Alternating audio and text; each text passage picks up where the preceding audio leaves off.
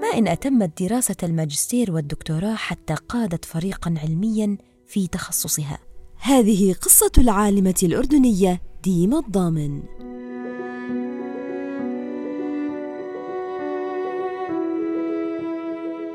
أدير مجموعة من الباحثين يبحثون في جزء من تخصص ال computer vision. ال computer vision أو ترجمته وهي قدرة الحاسوب على أن يرى الأشياء كما يراها الإنسان هي محاولات لأخذ صور أو فيديوهات وترجمتها إلى ما يعتبر بالنسبة لل... للإنسان المشاهد لهذه الصورة أشياء بديهية أو واضحة. مثلا أن ترى صورة فتجد فيها آه، سيارة أو شخص أو عائلة أو قلم. هذه القدرة على أنك ترى الصورة وتحولها إلى مفهوم هي قدرة بديهية للإنسان يكتسبها حتى في مرحلة الطفولة. حتى أن الإنسان عنده قدرة رهيبة على تحويل الرسومات أو السكتشز البسيطة إلى شيء يشاهده في في الشارع. فمثلا يرى الطفل الصغير رسمة دراجة هوائية في في التلفاز وثم يذهب إلى الشارع ويقول هذه دراجة هوائية فهو يحولها من هذا المفهوم إلى شيء يراه على أرض الواقع فكيف بدأت مسيرتها؟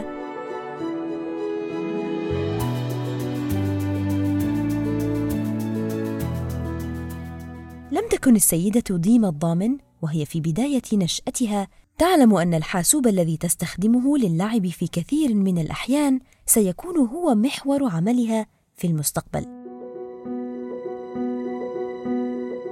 لما كنت أدرس في في المدرسة في البدايات. لم يكن علم الحاسوب مطروح.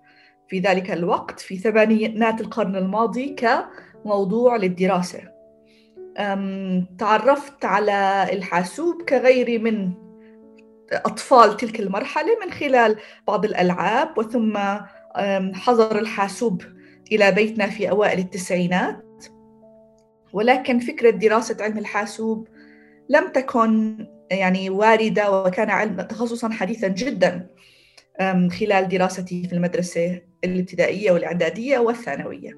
ولكن كما هي العادة فإن الصدفة تسوقنا إلى أقدارنا بشكل مختلف عما نخطط له.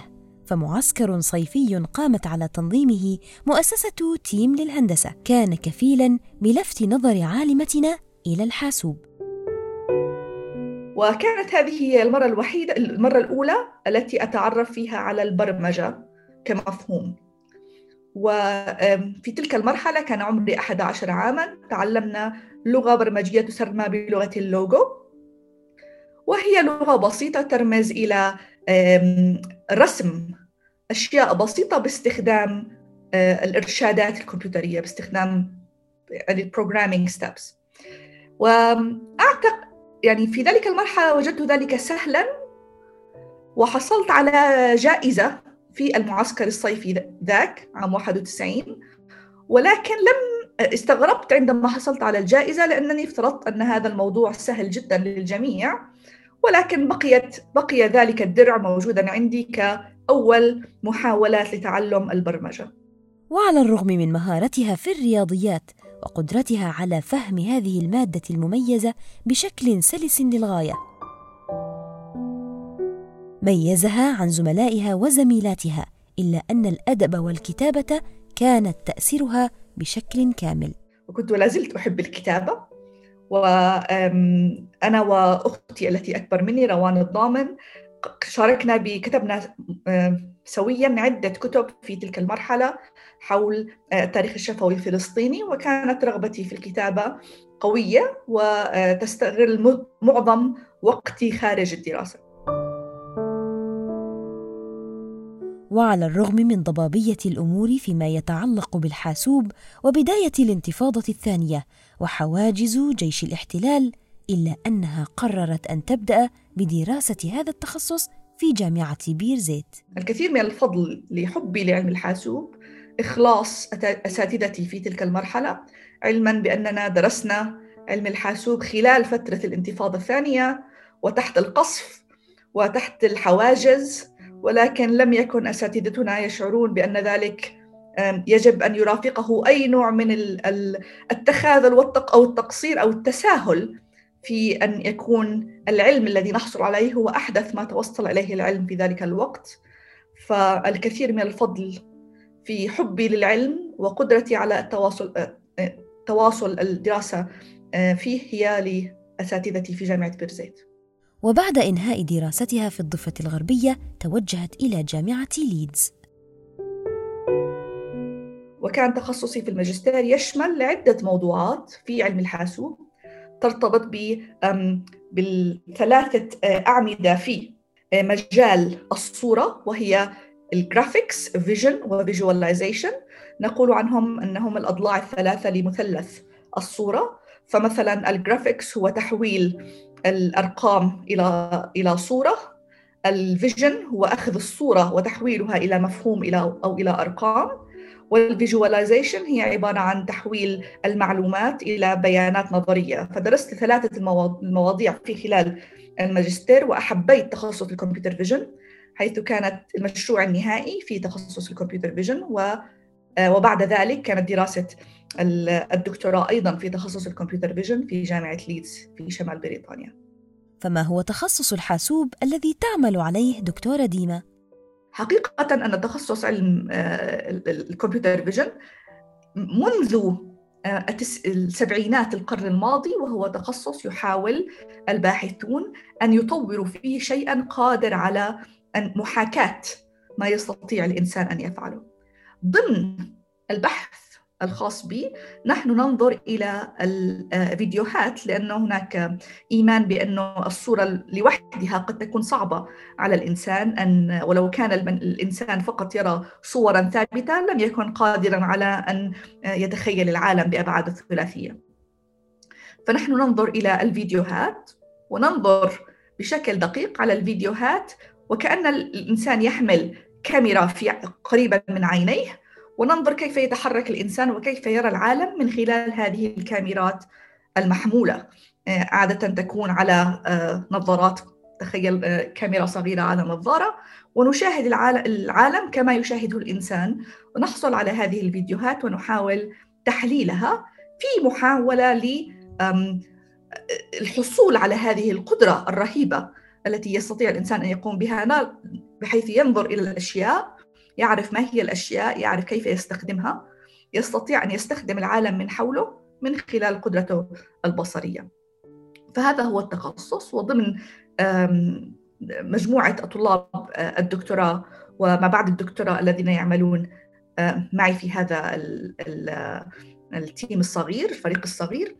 نقوم بمجموعة من التساؤلات حول كيف ممكن أن نستخدم هذه الفيديوهات آه، المحصولة التي حصلنا عليها من خلال الكاميرات المحمولة.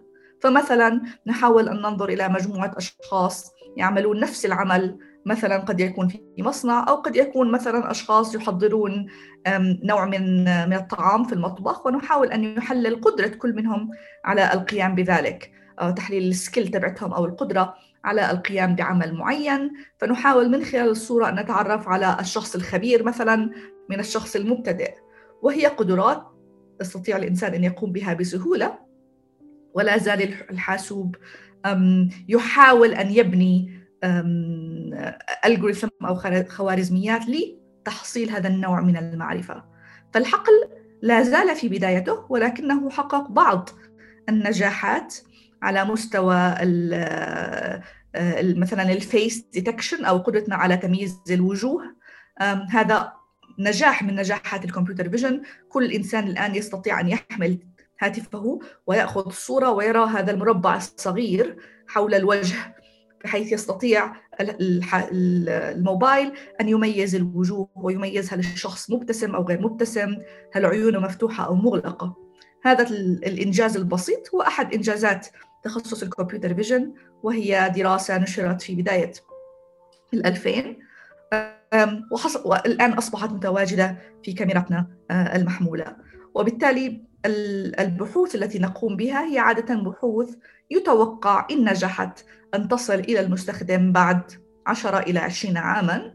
فنحن نحاول أن نستشرف المستقبل وننظر ماذا يمكن أن نقوم به لتحسين حياة الإنسان العادي إضافة لتحسين ما قد يكون الصناعة تحسين الصحة من خلال أن نستفيد من القدرة البصرية للحاسوب. تقول الدكتورة ديما إن الحاسوب ليس الجهاز الذي تجلس أمامه بالساعات فقط محاولا أن تدخل إلى صفحة ويب. ولكنه القدرة الكبيرة على تغيير حياتنا من خلال تحليل المعلومات التي ستوصلنا إلى عالم مختلف. هلا هناك كثير من الهايب أو الاهتمام بموضوع السيارات التي تسير لوحدها بدون سائق السيارة بدون سائق. وجزء كبير من نجاح هذا هذه المشاريع الجديدة هي قدرة الكمبيوتر على أنه يرى الشارع ويرى السيارات ويرى المشاة ويتجنب الحوادث وهي قدرة لا نستطيع أن نحققها بدون بدون البصر. وبالتالي ال ال أحد المنتوجات من قدرة الحاسوب على أن يرى هي الآن نستشرف أنه بعد خمس أو عشر أعوام قد يكون هناك جزء لا بأس به من السيارات بدون سائق. وبحيث الإنسان يستطيع أن يحصل على المزيد من السلامة ويقلل المجهود الذي يقوم به ويقلل الأزمات لأنه لا لا نحتاج إلى أن يكون هناك سيارة لكل مواطن. قد نشترك بهذه السيارات بدون سائق مثلاً. هذا النوع من التطبيقات عادة ما يهتم به رجال الأعمال وليس الباحثين. كيف يمكن استخدام البحوث؟ عادة هو ليس عمل الباحثين وعادة الباحثين يحبون التساؤل لأنه سؤال لا نستطيع أن نجيب عنه. إذا سألت الباحث لماذا تحب أن تجيب على هذا السؤال فإنه يستعجل السؤال لأنه بالنسبة له كل سؤال لا نستطيع أن نجيب عنه هو بحد ذاته تحدي يجب أن نستطيع الإجابة عنه. ويترك جزء كبير من التطبيقات لرجال الأعمال والمستثمرين.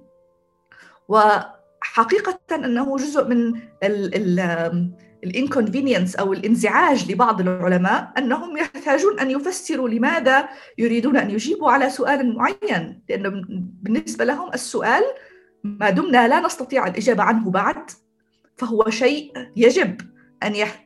الإنسان بكل ذكائه بكل قدراته وبكل تعاونه لأن الإجابة على هذه الأسئلة ليست تحدي فردي هو تحدي لمجموع العلماء.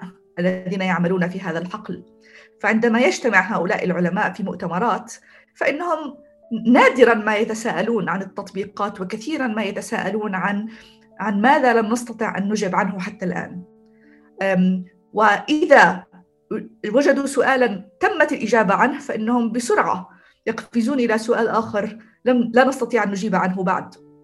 ويتركون فرصة استثمار الإجابة لغيرهم من من الأشخاص على على مدى الشركات وكما قلنا المستثمرين والمبرمجين الذين هم ليسوا نقول على الفور فرونت ليسوا في بداية البحث. فهذه هي قد تكون ميزة وقد تكون مشكلة لدى العلماء عامة أنهم يركزون في الإجابة على أي سؤال هناك عليه تحدي. وينتقد البعض العلماء في أنهم لا يفكرون أحيانا بنتائج الدراسات وهناك الأمثلة على مدى التاريخ. أنه باحثون أنتجوا بحوث واستخدمت ليست في مصلحة البشرية استخدمت ضد مصلحة البشرية. ويبقى السؤال هل هذا الخطأ على العالم الذي يحاول الإجابة على السؤال أم على المستخدم الذي يستفيد من الإجابة بطريقة قد لا تكون ذات منفعة؟ يهدف العلماء دائما أو في أغلب الأحيان أن يفيدوا البشرية من خلال الإجابة على هذه الأسئلة ويتركون مجالات الاستخدام. هناك حاليا زيادة خلينا أقول في الوعي لدى العلماء أن على الأقل أن يعرضوا للأشخاص ما هي إمكانيات عندما يجيبوا على سؤال ما هي الإمكانيات؟ كيف يمكن أن يستخدم هذا الموضوع؟ ما هي الethical concerns أو التحديات الأخلاقية الناتجة عن إجابة الأسئلة؟ ولكن يحافظ العلماء عامة سواء في تخصص علم الحاسوب أو خارجه على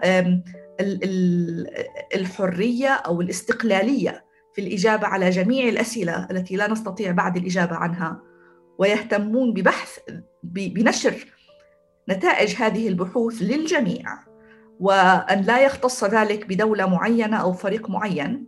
فهم برأي العلماء أنه إذا أصبحت نتائج البحوث متاحة للجميع. لكل الدول لكل الأشخاص فإن ذلك جزء, جزء من تحقيق الديمقراطية الحقيقية للعلوم.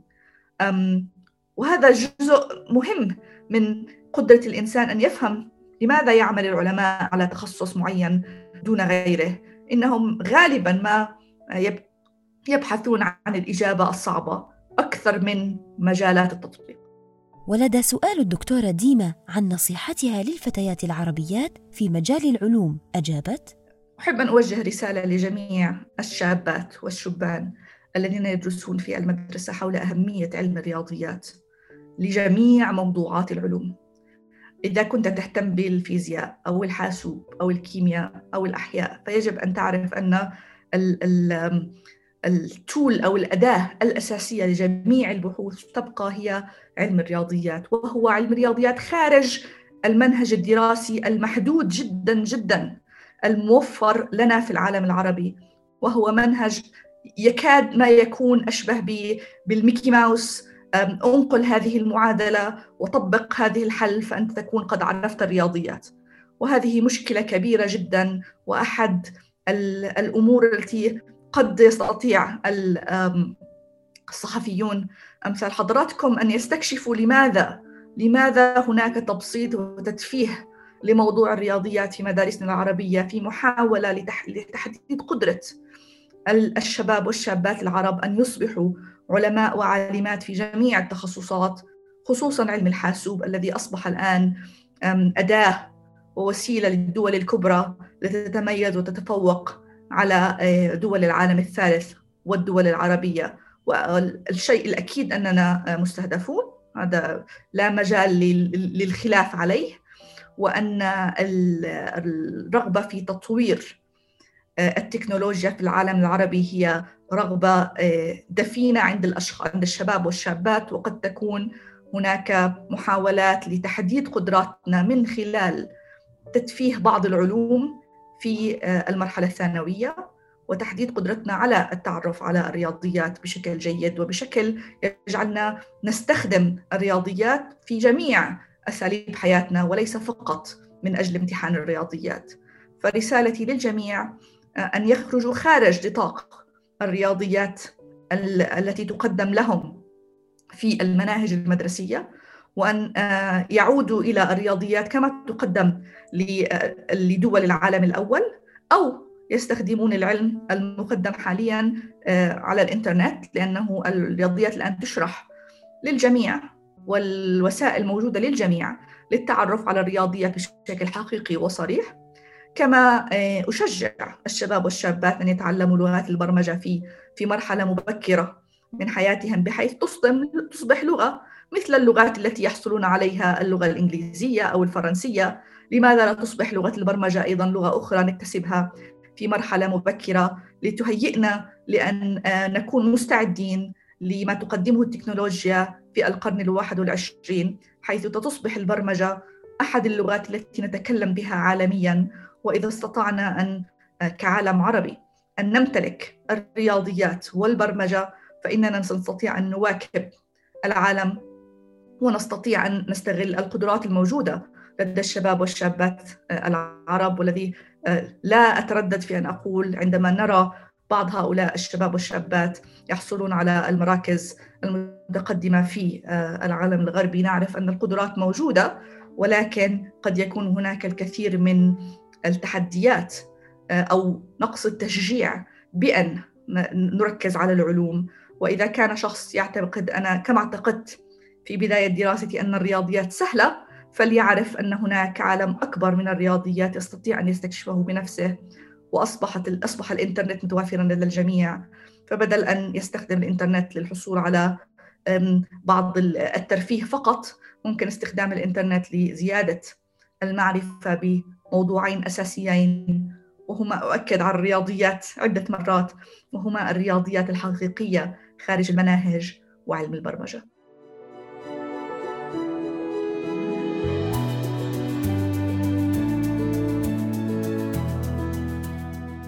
كانت هذه ديما الضامن العالمة الفلسطينية. وكنتم مع بودكاست عالمات عربيات.